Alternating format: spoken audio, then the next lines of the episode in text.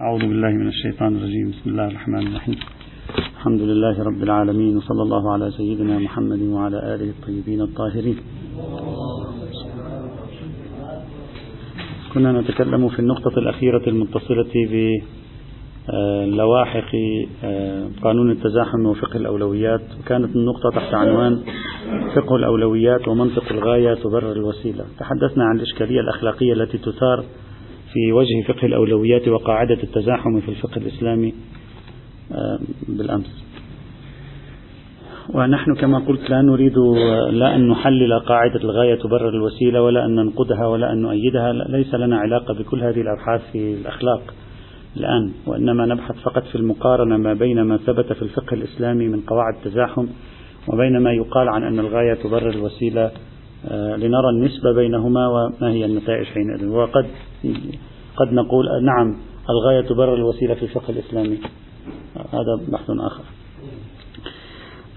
المواقف الدينية في الوسط الإسلامي من من موضوع العلاقة أو من الموقف من الغاية تبرر الوسيلة يمكن أن نصنفها أوليا إلى ثلاثة مواقف أساسية. هما موقفان أساسيان والثالث هو دراسة كتبها أحد الباحثين المعاصرين. وممكن بالتحليل إرجاع الموقفين وتقريبهما من بعضهما ولا نريد الآن أن نطيل في هذا. الموقف الأول وهو الموقف الذي يقول في الإسلام الغايات لا تبرر الوسائل مطلقا. يعني أصحاب هذا الموقف يعلنون يقولون في الإسلام الغايات بأي شكل من الأشكال لا يمكن أن تبرر الوسائل. رفض قاطع جملة وتفصيلا لقانون الغاية تبرر الوسيلة. هكذا ظاهر كلماتهم. الشيخ المطهري في كتابه سیری در سیره نبوی في كتابه حماسه حسینی له كلمات واضحة جلية صريحة. أن الإسلام ليس عنده شيء اسمه الغاية تبرر الوسيلة وهذا مرفوض جملة وتفصيلا. الشيخ أيضا جوادي آملي في الجزء السابع عشر من تفسير تسنيم أيضا له كلام واضح. الغاية لا تبرر الوسيلة مرفوض هذا في الإسلام.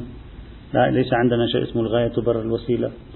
بل هو يقدم مقاربة على طريقته الفلسفية كالمعتاد يقول بين الغاية والوسيلة توجد علاقة تكوينية فلا يمكن أن تكون الغاية آه، حسنة والوسيلة سيئة لأن العلائق التكوينية يجب أن تكون منسجمة على طريقته في التحليل الفلسفي للقضايا آه، التي من هذا النوع. يقول أصلا لا يوجد شيء من هذا القبيل. لا أدري هكذا عبارته الآن هو هناك هل هذا خرج عن إطار القواعد التي تفكك بين التكوين والتشريع أو لا؟ لا لكن هكذا عبارته يقول بل هناك نوع من الوصلة من العلقة التكوينية بين الغاية والوسيلة. كيف يمكن أن تكون الغاية؟ يعني إذا أردت أن أشبه كلامه كأنما يتحدث عن قاعدة السنخية. إذا صح شيء يشبه قاعدة السنخية في باب العلية. لا يمكن أن يكون الشيئين المرتبطين ببعضهما. من سنخين مختلفين. هذا سنخه الفساد وهذا سنخه الصلاح مثلا. هكذا. هلا ربما استخدم هذا التعبير مجازا على طريقته في الاستغناء ربما يتبنى لا أدري لكن كلامه واضح. هو والشيخ المطهري في رفض هذا سيد رضا الصدر في كتابه محمد صلى الله عليه وعلى آله وسلم في القرآن عنده كتاب اسمه محمد في القرآن. له أيضا نص واضح قاطع صريح. يقول لا تكون الدعوة بالحق إلا بالحق. أن تدعو بالحق لا يكون ذلك إلا بالحق. وإن نشر دعوة محمد صلى الله عليه وآله لم يكن إلا في إطار الحكمة والموعظة الحسنة. وإن البارئ عز اسمه لم يسمح لرسوله بطريق ثالث لدعوته العالمية. فإن قداسة الهدف لا تبرر الوسيلة عند القرآن. يعني واضح كلام صريح في رفض تلك القاعدة.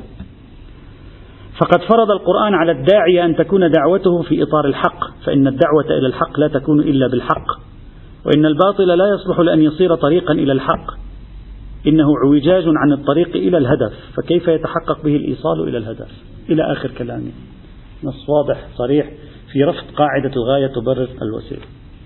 لكن بالتحليل إذا أردنا نحن أن نحلل أستبعد غاية البعد أن يكون هؤلاء العلماء يقصدون من نقد قاعدة الغاية تبرر الوسيلة نقد فقه الأولويات.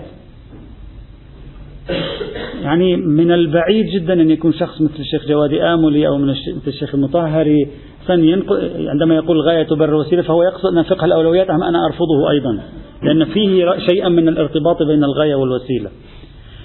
الذي يترجح في نظري أن هذا الفريق ناظر إلى فكرة دفع الأفسد بالفاسد بالمعنى الثاني للكلمة. يعني أنت تواجه الكفر الموجود في العالم بوسيلة فاسدة. فتدفع ما هو أفسد وهو الكفر بما هو فاسد وهو الوسيلة. أو أنت تواجه البدعة أو تواجه الانحراف أو تواجه الفسق بوسيلة فاسدة. فالفسق والانحراف والبدعة أفسد وأنت تواجهه بفاسد. لذلك عبارة السيد الصدر سيد رضا الصدر كانت الدعوة يتكلم عن الدعوة ويدعو الناس فتواجه أفسدهم بفاسدك. يعني بوسيلة فاسدة من عندي. أحتمل وأرجح أنه ليس غرض هذا الفريق من العلماء اللي هو عبارته واضحة في رفض مطلق أشكال تبرير الوسائل بالغايات. ليس مآل كلامهم إلى نقد قاعدة التزاحم أو إبطال فقه الأولويات. يعني هذا في غاية البعد على من يعرف فضاءهم الفقهي أيضا. وإنما نظرهم إلى إنكار الشيء أو ما هو أوسع قليلا من قاعدة دفع الأفسد بالفاسد. بالمعنى الثاني للقاعدة لا بالمعنى الأول للقاعدة الذي فككناه سابقا وانتصرنا له هناك. قلنا أن هذا صحيح أصلا دفع الأفسد بالفاسد لا وجه له إلا بدليل خاص. فهنا لا يقولون في دليل خاص يطلقون القاعدة. فإذا الفريق الأول ظاهر موقفه من الغاية تبرر الوسيلة إغلاق الباب أمامها بما يوحي وكأنه يريد أن يغلق الباب أمام فقه الأولويات. وإن كان لا أظنه يقصد ذلك. هذا الفريق الأول. الفريق الثاني. قالوا الغايات يمكنها أن أن تبرر الوسائل في حال كانت الغايات مقدسة وأهم من الوسائل. وهؤلاء صرحوا. يعني عندما تكلموا عن نفس قاعدة الغاية تبرر الوسيلة صرحوا بهذا. قالوا نعم الغاية تبرر الوسيلة. ليش أنت خائف من الكلمة؟ لا تخاف من الكلمة. نعم الغاية تبرر الوسيلة. لكن متى تبرر الغاية الوسيلة؟ تبرر إذا كانت الغاية أهم ومقدسة. يعني هم مشروعة في نفسها وهم أهم. وين المشكلة؟ لا ليست توجد مشكلة من وجهة نظرهم. مثلا تجد أن العلامة سامح حسين فضل الله رحمة الله تعالى عليه في قصة يوسف مع إخوته ويوسف هم أيضا فعل. تعرفون هذه القصة هم مطروحة في الفقه هم مطروحة في في التفسير. يوسف حبك سيناريو مفبرك غير واقعي. واتهم الناس بأنهم سارقون. ووضعهم في موقف محرج سيد فضل الله يقول هذا غاية تبرر الوسيلة عبارته هكذا يقول في تلك الحادثة يمكننا أن نستوحي فكرة أن الغاية تبرر الوسيلة. إذا كانت الغاية أعظم من ناحية الأهمية لأنها بذلك تنظف الوسيلة وتطهرها. يعني الوسيلة تصبح نظيفة بسبب أقدسية الغاية. هذا حتى في موضع آخر له كلام أيضا مفصل هذا كله في كتاب من وحي القرآن. يدافع عن قاعدة الغاية يقول لا ليس فيها بأس ندافع عنها. ويفسرها في سياق قواعد التزاحم يعني يفهم قواعد التزاحم ليست إلا الغاية تبرر الوسيلة بمعنى محدد. بمعنى محدد. فأصحاب هذا الموقف من عباراتهم يحتمل أنهم يوسعون موقفهم الإيجابي من قاعدة الغاية تبرر الوسيلة إلى قاعدة دفع الأفسد بالفاسد. يعني بعض أمثلتهم خاصة سيد فضل الله كأنما يفهم منه أن قاعدة الغاية تبرر الوسيلة تستوعب في شرعيتها قاعدة دفع الأفسد بالفاسد. لفهم معنى الثاني. نحتمل يعني من بعض الإشارات يوحي وكأنهم أيضا يوسعون الرؤية الإيجابية للقاعدة لقاعدة الغاية تبرر الوسيلة حتى لدفع الأفسد بالفاسد لكن لا نستطيع أن نجزم. يعني يحتمل أنهم يقصدون من أن الغاية تبرر الوسيلة ما كان من غير نوع دفع الأفسد بالفاسد ويحتمل أنهم يوسعون مفهومهم لما كان من نوع دفع الأفسد بالفاسد وغيره. القضية أيضا محتملة. هذا موقف ثاني. إذا كان الموقف الثاني لا يقبل بدفع الأفسد بالفاسد ويحصر قاعدة الغاية تبرر الوسيلة بقوانين التزاحم فقط من دون قاعدة الأفسد بالفاسد فإنني أعتقد أن الفريق الأول والثاني رأيهم واحد يعني أظن ذلك ما في رأيين في الحقيقة. الفريق الأول يتحرج من تعبير الغاية تبرر الوسيلة لأن تعرف تعبير الغاية تبرر الوسيلة هم منسوب إلى الميكيافيلية اللي هي دائما في العقل السياسي لا أخلاقية وهم هو منسوب إلى الشيوعيين أيضا لأنهم لديهم شيء من ذلك أو متهمون بشيء من ذلك. من الغاية تبرر الوسيلة فكأنما يجي رفض هذا المبدأ كنوع من تنزيه الإسلام عن اللا أخلاقية في فضاء ليبرالي ممكن يكون ميكافيلي في فضاء ماركسي شيوعي شرقي. وإلا الفريق الأول والثاني يوافق على قواعد التزاحم. خارج إطار دفع الأفسد بالفاسد. إذا اعتبرنا الاثنين لا يقبلان بدفع الأفسد بالفاسد ويقبلان بقواعد التزاحم فالصراع لفظي إذا اعتبرنا الفريق الأول يرفض قاعدة دفع الأفسد بالفاسد كما هو متيقن من عبارته والفريق الثاني يقبل بقاعدة دفع الأفسد بالفاسد فبينهما نسبة تباين تداخل وتباين. يقبلان بقواعد تزاحم ويتميزان في قاعدة دفع الأفسد بالفاسد. وبه تعرف أن قاعدة دفع الأفسد بالفاسد في غاية الأهمية ليست قاعدة بسيطة. ولا تفرد بالبحث في مع الأسف الشديد في كتبنا الفقهية والأصولية الشيعية أتكلم أنها مهمة جدا كيف تستطيع أن ترفع أو تدفع ما هو أفسد بما هو فاسد. هذا موقف ثاني موقف ثالث هو في الحقيقة وجهة نظر طرحها بل.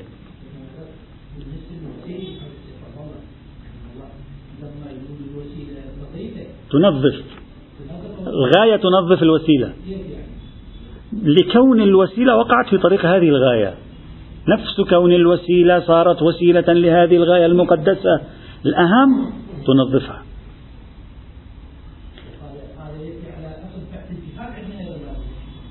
وهو؟ نعم. وسيلة الجهاد أيضا؟ أنتم الآن تشكلون على سيد فضل الله أو تدافعون عنه؟ لا لا هنا يصير دفاع. أو لا. نعم.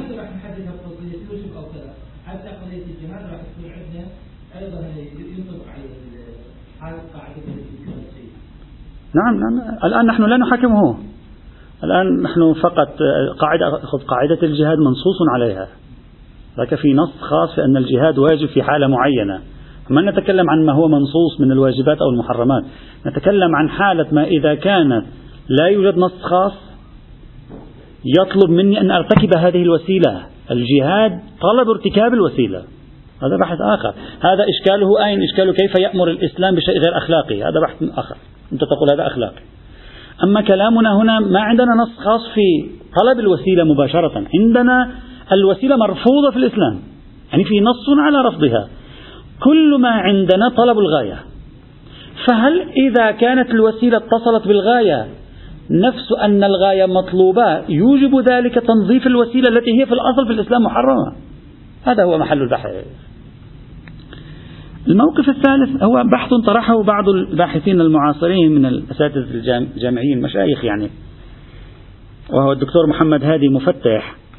هو يقول مبدأ الغاية تبرر الوسيلة باطل جملة وتفصيلا. ولا يقبل به بأي شكل أشكال ويضيف مبدأ الأهم والمهم أيضا باطل جملة وتفصيلا. ويأتي على ذلك بشواهد يعني.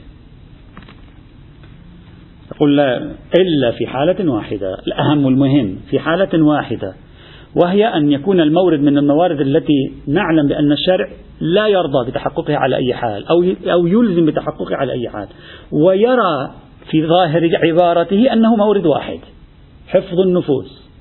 إنقاذ غريق فيجوز لك أن تتصرف بمال بدون إذن صاحبه. فقط هكذا هذه.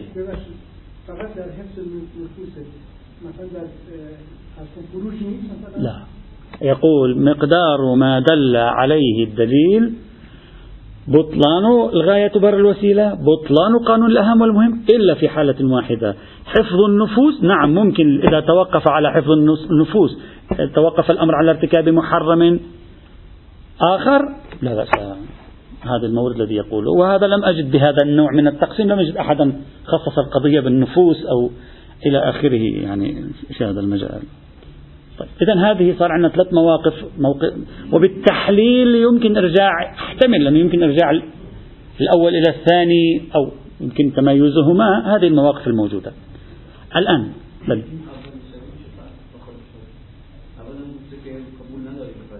نعم. لا الثالث يقبل القاء يقبل الأهم والمهم. في الأول لم يقل أنا لا أقبل الأهم والمهم.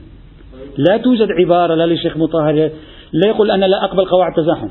لا يقول أنا لا أقبل قوانين الأهم والمهم هذا الرجل هذا الباحث الموقر قال لا أقبل الغاية بر الوسيلة ولا أقبل قانون التزاحم أيضا. يعني هذا صرح به. وكل مقالته في نقد قانون الأهم والمهم. ليس في نقد الغاية بر الوسيلة فقط. طبعا مقالته عنوانها الإخوة الذين يودون أن يقرأوها قاعدي أهم ومهم ونظريي غير أخلاقية توجيه. قاعدي أهم ومهم ونظرية غير أخلاقية توجيه في مجلة تجويشية أخلاقي. السنة الثالثة العدد الثالث. السنة الثالثة العدد الثالث. مقالته من يعني خلاصة مقالته رأيه موجود من صفحة 159 إلى 161 رأيه. الباقي أدلة. طبعا جملة من بحوثه وأدلته نحن أصلا في السابق استعرضنا بعضها وناقشناها. لا نتعرض لها هنا. سأترك هذه الآراء الثلاثة؟ وتعال معي إلى التحليل نريد أن نحلل قليلا. أولى أول بلي بلي. للتزاحم. نعم.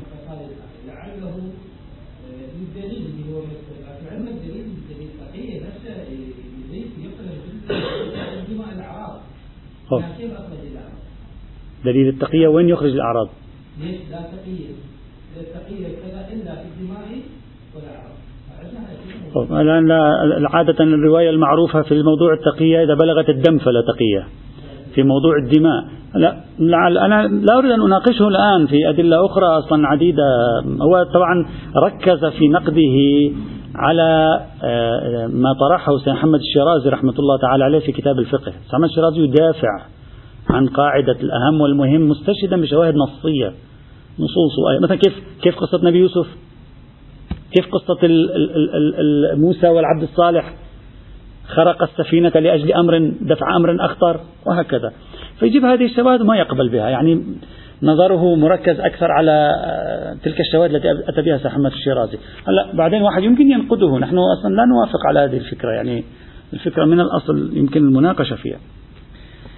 طيب هلا الآن آه، اترك الآراء الثلاثة هذه وتعال معي نحلل منطقيا. ماذا تتوقع أن يكون موقف أولئك الذين آمنوا بقاعدتين؟ قاعدة تقديم الحرام على الواجب وقاعدة درء المفسدة أولى من جلب المصلحة. حلل معي رأيهم. يعني خلينا نمارس تحليل هم لم يتكلموا في هذا الموضوع. إذا حللنا هاتين النظريتين الشخص الذي يؤمن بهما عمليا ستتقلص عنده كثيرا خروقات للغاية تبرر الوسيلة يعني سيتقلص عنده كثيرا موافقته لقاعدة الغاية تبرر الوسيلة لماذا؟ لماذا؟ لأنك لما تقول في حرام وفي مقابله واجب أنا أقدم الحرام معنى ذلك أن اللا أخلاقي تقدمه على ما ينبغي فعله فإذا تعارضت الغاية مع الوسيلة رجحت اللا أخلاقي فيهما اللي هو الوسيلة المحرمة. يعني ذهنية القائل بتقديم الحرام على الواجب تميل نحو الأخذ بالالتزام بعدم خرق ما هو غير أخلاقي. ما هو غير أخلاقي؟ الوسيلة هي المفروض أنها غير أخلاقية في محل بحثنا المفروض أن الغاية أخلاقية الآن. الوسيلة اللي هي غير أخلاقية. فكلما كان الفقيه ميالا إلى طرف الحرام أن يرجح الالتزام به فإذا هو ميال في موضوع بحثنا إلى الوسيلة. إذا هو لا يقبل بأن الغاية تبرر الوسيلة. وهكذا إذا كان يقول بأن درء المفسدة أولى من جلب المصلحة مع الاعتبار أن الحرام هو الذي يحمل المفسدة والواجب هو الذي يحمل عادة المصلحة. عادة سيميل إلى ماذا؟ سيميل إلى الوسيلة. لأن المفروض أن الوسيلة هي التي فيها المفسدة. فسيقدم درء المفسدة على جلب المصلحة. إذا إذا أردت أن أحلل ذهنيا من يميل إلى قاعدة تقديم الحرام على الواجب أو من يميل إلى قاعدة درء المفسدة أولى من جلب المصلحة نسبته مع قاعدة الغاية تبرر الوسيلة سوف تكون تناقض. هلأ ممكن يخرج ببعض الحالات ممكن لكن مزاجه لن يكون متوافقا مع الغاية تبرر الوسيلة. لكن لا أستطيع أن أنسب إليهم أنهم لا يؤمنون بأن الغاية تبرر الوسيلة. لعلهم يؤمنون بأن الغاية تبرر الوسيلة إذا كانت الغاية أهم بكثير مثلا. أما في حال التساوي لا يقبلون بتقديم الغاية على الوسيلة. ممكن. لكن مزاج تفكيرهم لا ينسجم مع قاعدة الغاية تبرر الوسيلة. على, على أي حال. إذا صار عندنا الموقف الأول غاية تبرر الوسيلة مرفوض إسلاميا. الموقف الثاني دفاع عن مبدأ الغاية تبرر الوسيلة إسلاميا. طبعا في الجملة. الموقف الثالث تقليص بالغ لمبدأ الأهم والمهم ورفض قاطع لمبدأ الغاية تبرر الوسيلة. وقد رأينا أن قاعدة درء المفسدة وقاعدة تقديم الحرام على الواجب هم أيضا ميلا تتناقض مع قاعدة الغاية تبرر الوسيلة. ميلا لا أنه بالمطلق. طيب. لذلك لأجل هذه الإشكالية بين قاعدة الغاية تبرر الوسيلة وبين فقه الأولويات حاول بعضهم أن يقول فقه الأولويات غير قاعدة الغاية تبرر الوسيلة. يعني أراد أن يقول أنا أؤمن بفقه الأولويات وفي الوقت عينه أنا أرفض الغاية تبرر الوسيلة. حتى الآن ما عندنا موقف هكذا. الموقف الأول رفض الغاية تبرر الوسيلة. الموقف الثاني قبله هو قال أنا أقبل الغاية تبرر الوسيلة. الآن في موقف وهو السائد. يقول الغاية تبرر الوسيلة أرفضها. فقه الأولويات أقبل به وبينهما اختلاف. كيف هذا الاختلاف يا أخي؟ قالوا الاختلاف عادة من أربع جهات. الجهة الأولى قالوا قاعدة التزاحم ترصد الأهمية بين الوسيلة والغاية. بينما قاعدة الغاية تبرر الوسيلة لا فرق عندها في موضوع أيه الأهم. يعني قانون الغاية تبرر الوسيلة يقول لك أي غاية تريد أن تصل إليها؟ إذا كانت أهم من الوسيلة أو ليست بأهم ما يهمني. الغاية تبرر الوسيلة. أما قانون التزاحم يقول لا أنا لا أقبل بهذا بهذا القانون أن الغاية تبرر الوسيلة. يجب أن تكون الغاية أهم من الوسيلة. هنا أقبل بقانون التزاحم. هذا أول فارق ذكروه. الفارق الثاني. قالوا قانون التزاحم مبني على أن الغاية مشروعة. مشروعة ليس أهم على الأقل مشروعة. أما من يقول بقاعدة الغاية تبرر الوسيلة فيقول لا فرق. في أن الغاية تبرر الوسيلة أكانت الغاية مشروعة أم لم تكن؟ لا يهمهم مشروعية الغاية أصلا. فإذا هذا فرق بيننا برأيهم. فرق بيننا وبين القائل بأن الغاية تبرر الوسيلة. فرق الثالث. قالوا قانون الأهم والمهم. الذي تؤمن الشريعة الإسلامية به ناظر إلى المصالح الواقعية. قانون الغاية تبرر الوسيلة ناظر إلى المصالح الشخصية. أنت بعد ما هو لمصلحتك بتطبق قانون الغاية تبرر الوسيلة. أما في الشريعة لا يوجد شيء اسمه الغاية تبرر الوسيلة بلحاظ المصالح الشخصية. بل بلحاظ مصالح واقعية نوعية. هذا ثالث. رابعا. قالوا قانون التزاحم. يفترض أن الحكمين المتزاحمين في الغاية والوسيلة ثابتان في الشرع أو ثابتان في العقل. ولما لم يمكن الجمع بينهما نقدم الأهم على المهم. أما في تقديم في قاعدة الغاية تبرر الوسيلة لا يهم أن يكون الحكمان لا ثابتان في الشرع ولا في العقل. المهم أنا عندي غاية وأريد أن أصل إليها. أي وسيلة أسلك؟ بس هذه الغاية ثابتة شرعا ثابتة عقلا ليست ثابتة شرعا ليست ثابتة عقلا. أهم ليست أهم مشروعة غير مشروعة ما يهم. ففسر هؤلاء مثل من؟ مثل من؟ أنا سأعطي ثلاثة أمثلة.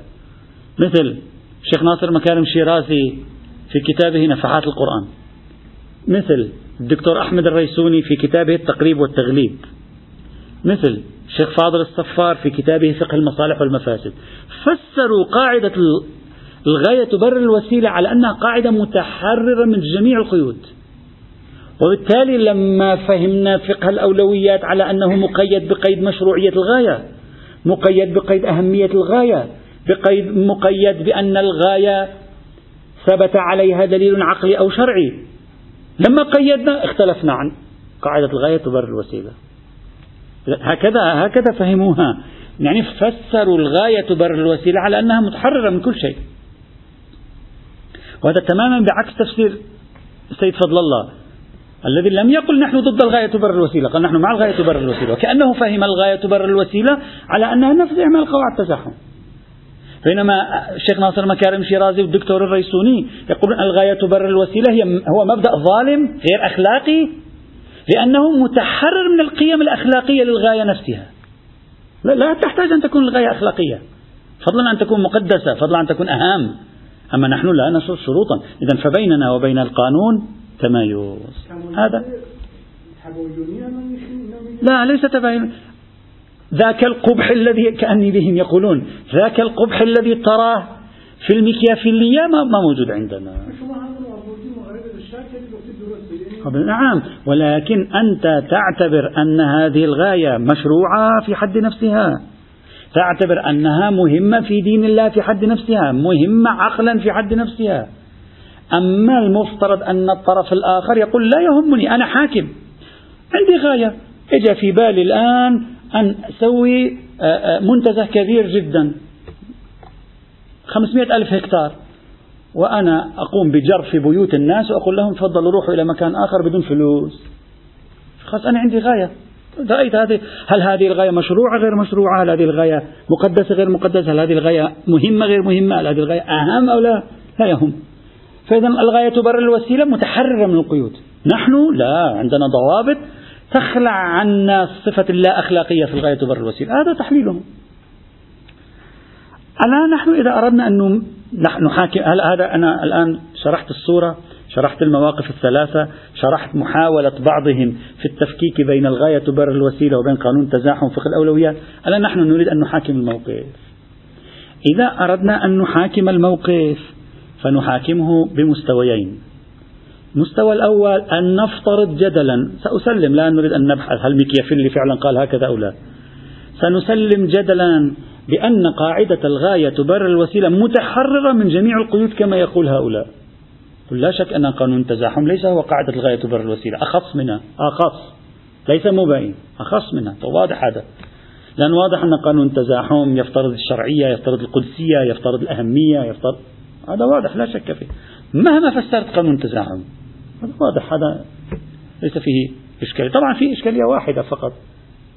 أنهم قدموا قانون التزاحم على أنه يجعل الغاية أهم من الوسيلة. في حين قانون التزاحم لا يلزمني بأن تكون الغاية أهم من الوسيلة. قواعد التزاحم الموجودة عند الأصوليين والفقهاء تقول حتى لو الغاية ليست أهم يكفي أن تكون متساوية حتى ألتزم بالتخيير. وبالتالي يدي مبسوطة في خرق الوسيلة لفعل الغاية. وهكذا لكن هم لم يشيروا إلى حالة التساوي لأن حالة التساوي هم تسوي حالة جرح موجود تبدو وكأنها غير أخلاقية فأخذوا الجانب الأهم فقط. على حال هذا بحث إذا إن أنت فسرت قاعدة الغاية تبرر الوسيلة بهذا العرض العريض لا أخلاقي. أكيد فقه الأولويات بينه وبين قاعدة الغاية تبرر الوسيلة مسافات ومسافات. نعم هو أخص منها. يقبل بها ضمن ضوابط وشروط وهذا لا إشكال فيه. لكن اترك المقولة الميكيافيلية. اترك تفسيرك للمقولة الميكيافيلية الغاية تبرر الوسيلة. أنا الآن سأذكر مقولة وسنرى نسبة هذه المقولة إلى قانون التزاحم غير القاعدة. قل الغاية المشروعة تبرر الوسيلة غير المشروعة. بعد ذاك الشكل المشوه الشيطاني لقاعدة الغاية تبرر الوسيلة ذهب. قيدنا الغاية بأن تكون مشروعة. قيدنا الغاية بأن تكون أخلاقية. إذا شخص قال لك ما هي النسبة بين قاعدة الغاية المشروعة تبرر الوسيلة غير المشروعة وبين قواعد تزاحم فقه, فقه الأولويات؟ ما هي النسبة بينهما؟ ماذا تقول؟ ولعل كثير ممن يؤمنون بأن الغاية تبرر الوسيلة. هذا الذي يقصدونه لا يقصدون شيئا آخر. سأدعك من بعض الإفراطيين الذين يسمحون للحاكم ولكن اليوم في العالم الغايات الأهم والمقدسة هي التي تبرر المصالح في العادة ولو برأي أصحابها.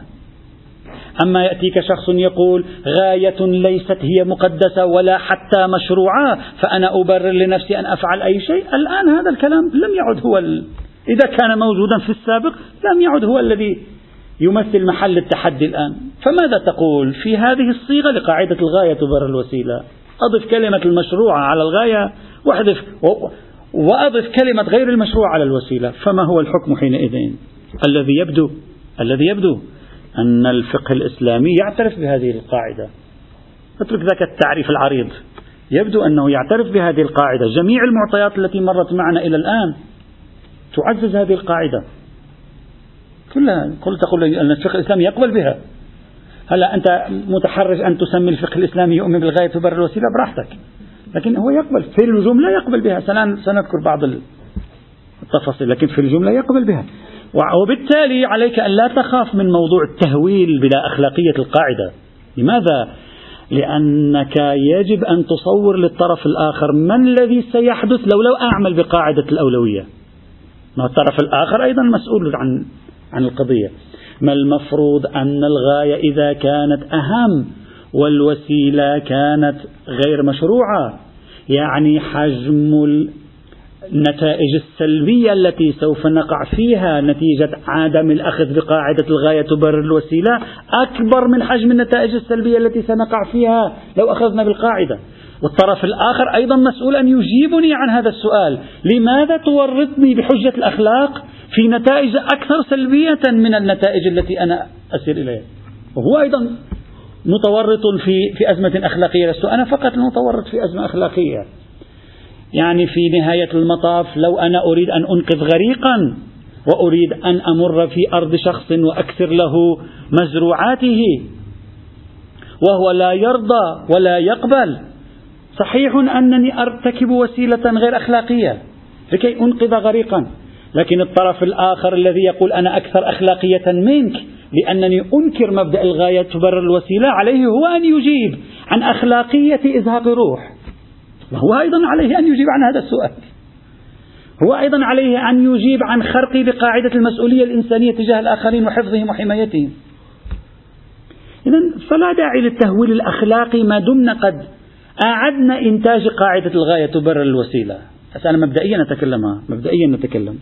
ولكن ولكن مع ذلك وفق ما توصلنا إليه سابقا. لا نعتقد أن الفقه الإسلامي يطابق هذا المبدأ تماما. يتوافق معه لكن لا يطابقه.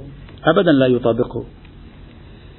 وذلك من أربع جهات أساسية. إذا شرحتها سنكتشف أن الفقه الإسلامي أصلا بينه وبين قاعدة الغاية المشروعة. تبرر الوسيلة غير المشروعة؟ أيضا خصام. أيضا خصام. مع قبول في الجملة بها. إذا شرحنا هذه الأربعة تلك الصورة اللا أخلاقية عن قواعد التزاحم وفقه الأولويات سوف تتغير حينئذ. وما هي هذه النقاط؟ أولا الوسائل في الشريعة الإسلامية أفعال لها حكمها الخاص. في الشريعة هذه التي تسمي أنت وسائل هذه لها حكم ليست مفرغة من حكم هذه لها حكم خاص. فمجرد وقوع فعل معين في طريق غاية من الغايات ولو كانت مشروعة ولو كانت مهمة لا يبرر في الشريعة الإسلامية ارتكاب هذا الفعل. بل ينبغي أن ننظر إلى موقف الشريعة من هذا الفعل بنفسه لأن لها موقف منه. لها موقف أخلاقي من هذا الفعل. فعلينا أن ننظر في هذا الموقف الأخلاقي. لا يص... الشريعة لا تقول لك لأجل أن تصلح ذات البين اذهب اسرق آه، محل شخص آخر فقير مسكين واجعله في مخمصة. لا لا يوجد أي قاعدة في الفقه تقول ذلك. ولا تقول الشريعة لأجل أن يكون عندك أموال تصرفها على الفقراء اسرق أموال الآخرين. صادر أموال الآخرين ظلما وعدوانا. لا تقول لك الشريعة ذلك أبدا. ماذا تقول لك الشريعة؟ تقول العلاقة بين الغايات والوسائل محكومة لأمرين. الأمر الأول انحصار طريق بلوغ الغاية بهذه الوسيلة. فإذا كانت هذه الغاية يمكن الوصول إليها بوسيلة ثانية فإن الغاية لا تستطيع أن تبرر الوسيلة. فلا تستطيع أن تقول عندي قاعدة كلية اسمها الغاية المشروعة تبرر الوسيلة غير المشروعة. وإنما في الفقه الإسلامي الغاية المشروعة إذا أرادت أن تبرر الوسيلة غير المشروعة يجب أن تكون الوسيلة غير المشروعة هي الطريق الوحيد والحصري الذي لا يمكن أن أتي بالغاية إلا عبره. وهذا واضح. إذ لا معنى للتزاحم إلا في هذه الحال. هذا أولا. ولذلك لا تستطيع أن تصلح ذات البين. إذا كان يمكنك أن تصلح ذات لا تستطيع أن تسرق لإصلاح ذات البين. إذا كان يمكنك إصلاح ذات البين بغير السرقة. لا يمكن أن تكذب لإصلاح ذات البين إذا يمكنك إصلاح ذات البين بغير الكذب. ما لم يدل دليل لفظي في المقام. لأن يعني بعضهم يقول في دليل لفظي. تعرفون هذا؟ في بعضهم يقول كذب لإصلاح ذات البين. لا يجوز حتى لو لم يكن هناك ضرورة أصلا. حتى لو كان يمكن أن تصلح ذات البين بدون كذب.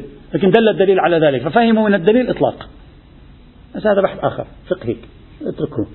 نتكلم في قواعد التزاحم. إذا أول خاصية هي أن الشريعة تعتبر تبرير الغاية للوسيلة فقط في مورد الانحصار. ثانيا الشريعة تقول يجب قياس درجة الأهمية بين الغاية والوسيلة كما قرأنا ذلك سابقا. فإذا كانت الغايات أهم والوسائل أقل أهمية نعم هنا تخرق. أما إذا كانت الوسائل أكثر أهمية من الغايات فإن الغاية لا تخرق إذا الخطوة الأولى إن العلاقة بين الغايات والوسائل في الشريعة الإسلامية قائمة على على نقطتين. أن تكون الغايات أهم أو مساوية للوسيلة وأن لا يمكن الوصول إلى الغاية إلا عبر هذه الوسيلة. هذا أولا. ثانيا وهذا هو العنصر الأكثر خطورة. وهذا الذي أكدنا عليه مرارا وتكرارا في الدروس الماضية. تحديد ما هو الأهم.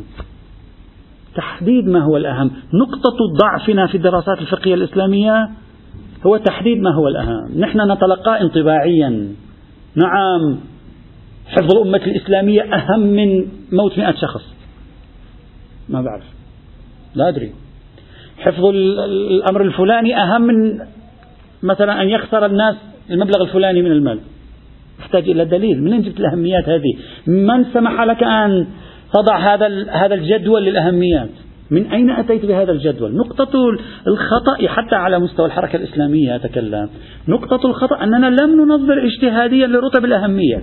تلقينا الأمر بالتحليل فقط وربما أحيانا بالتجربة والانطباع. ولذلك قلت بأن الخطوة التي قام بها أنصار فقه الأولويات في الأربعين سنة الأخيرة خطوة مباركة. وهو أنهم ذهبوا إلى نفس الشريعة واستنطقوها فيما هو الأهم. ولعل الصلاة أهم من أمر فلاني أنت أحيانا تقول لا الصلاة ليست أهم الأمر الفلاني أهم. لعل الزنا قبحه أهم من أن تحصل على الموضوع الفلاني. أنت لا تقول لي لا الموضوع الفلاني هو أهم بكثير الزنا يمكن حلال من أين تعرف؟ من الذي سمح لك أن تضع الجدول؟ الموضوع إخواني الأعزاء هذا الموضوع أصعب موضوع في فقه الأولوية. كل هذا الذي درسناه سهل يسير. أصعب واحد تجي تحدد لي أنت الخارطة القائمة البناء الهرمي. دليل على ذلك. اليوم كم عندنا من صراع كبير. شخص يقول لك حفظ النظام الإسلامي أولى الأولويات مثل الإمام خميني. شخص آخر يقول لك حفظ الأمة أولى الأولويات مثل الشيخ شمس الدين. هذا يحتاج إلى بحث. تجي تسوي بحث وتعطيني منين. أنت استنتجت أن الأمة أهم من النظام وأن النظام وسيلة والأمة غاية. ومن أين استنتجت أن النظام أهم من الأمة؟ وكيف أعرف؟ وكيف جعلت النظام غاية في حد نفسه ما الدليل؟ دعنا نرى الدليل. صعوبة لا ثبوتا هؤلاء العلماء ربما في داخل نفوسهم عندهم دليل ما يهمنا. لكن إثباتا على مستوى الحضور العلمي مكتباتنا قاصرة في الحقيقة. حقيقة نقول قاصرة عن وجود دراسات جادة في رسم هذه الأولوية فقط انطباعات نحن نأخذ. وبعض هذه الانطباعات ليس منسجم مع السيرة النبوية وسيرة أهل البيت. صدقني لا نريد أن ندخل في تفاصيل. وبعض هذه الانطباعات ليس منسجم حتى مع النصوص. وتتفاجأ أنت ببعض النصوص لما تراها غير منسجمة مع بديهياتنا اليوم. إذا لابد أن ترسم الخارطة. إذا النقطة الثانية في الموضوع إعادة رسم خارطة الأولويات وبالتالي رسم خارطة الأولويات يمكن يخفف من المشكلة التي أنت تتصورها في قاعدة الغاية تبرر الوسيلة. وهذا هنا قيمة الشغل المقاصدي ترتيب الأولويات قيمة الشغل شغل فقهاء الأولويات المتأخرين ترتيب الأولويات إلى آخره. ولذلك ندعو يعني أدعو نفسي وأدعو الأخوة جميعا وندعو الحوزات العلمية عموما أن تفتح بابا في أصول الفقه في القواعد الفقهية في البحث الفقهي في البحث القرآني والحديث لرسم خارطة الأولويات لنعرف ما هو الأولى في هذه الشريعة. ماذا تقدم الشريعة عند التزاحم؟ مش أنت ماذا تقدم بحسب تربيتك وتربيت أنت تربيت في فضاء اجتماعي معين تقول هذا هو الأولى. تربيت في فضاء سياسي معين تقول هذاك الأولى. كيف عرفت؟ هذا يحتاج إلى إلى دراسة. وعليه فإن قانون التزاحم في التشريع الإسلامي يختلف عن قانون الغاية تبرر الوسيلة. قانون التزاحم في التشريع الإسلامي له مرجعية شرعية وبالتالي أدعي بأن هذه المرجعية الشرعية غير منكشفة لنا كثيرا. نحن نبني على الانطباعات أكثر مما نبني على وجود دراسات جادة آه، في هذا الموضوع وفي هذا. ورأيتم الإخوة رأوا كيف أننا لما بحثنا في موضوع معايير اكتشاف الأهمية وجدنا مشاكل. وجدنا مشاكل. الآن واحدة من أبدأ بديهيات معايير اكتشاف الأهمية كثرة الروايات. والآن شوف وجدنا مشاكل في معيارية كثرة الروايات وغيرها. الموضوع يحتاج إلى دراسة حتى لا نذهب إلى تطبيقات تبدو ميكيافيلية أحيانا ولكنها غير منسجمة مع الشرع في أحيان أخرى. هذه نقطة ثانية. نقطة ثالثة وهي في أيضا في تقديري مهمة جدا. يجب لكي تطبق قانون التزاحم في الشريعة أن ترصد شيخنا العزيز أنك لا تطبقه في مرة واحدة. وهذا هو الفرق بين الفقه الفردي والفقه المجتمعي. أنت مرة تقولي أنا أطبق قانون التزاحم هنا. لا. أنت يجب عليك أن تنظر عندما تطبق قانون التزاحم هنا وهنا وهنا وهنا وهنا. ثم يصبح تطبيق قانون التزاحم حالة. يصبح تطبيق قانون التزاحم ظاهرة. هل تحول قانون التزاحم إلى ظاهرة؟ يمكن أن يوصلنا إلى مرحلة هدر القيم الأخلاقية؟ وهذا مهم. عندما أنا أضحي أقول لا بأس فلأضحي بشخص ضعيف لأجل أن لا نخرب علاقاتنا مع جماعة قوية. ضحينا اليوم بشخص ضعيف. قاعدة الحلقة الأضعف. غدا هم ضحينا بشخص ضعيف. بعد غد هم ضحينا بواحد ضعيف. تحول هذه التضحيات إلى حالة يجب أن ترصدها على الاستمرار الزمني. لترى تحول إلى حالة يمكن أن يغير أن يخلق لا أخلاقية أعظم من المصالح التي أنت كنت تعتبرها مهمة أو أهم.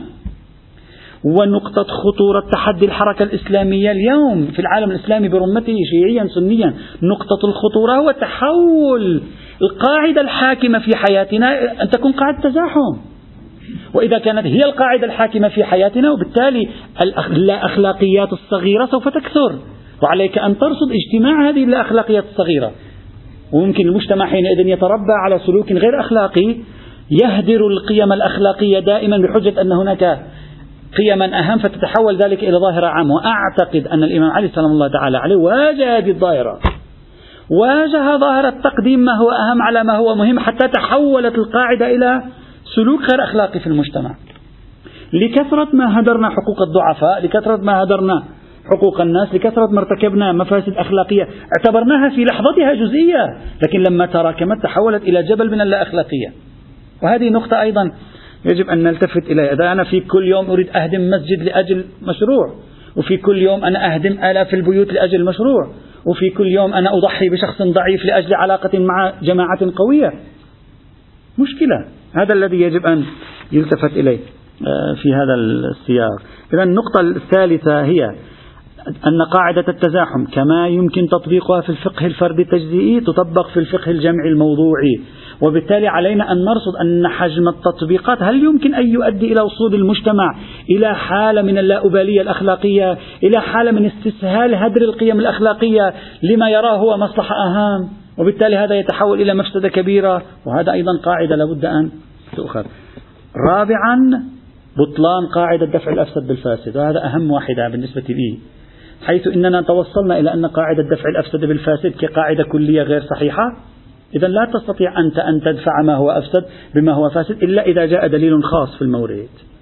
دليل يعطيك ولاية على ذلك دليل يعطيك صلاحية في ذلك. أما إذا لم يأتي دليل خاص في هذا المورد الغاية لما كانت مقدسة يلحقها وجوب.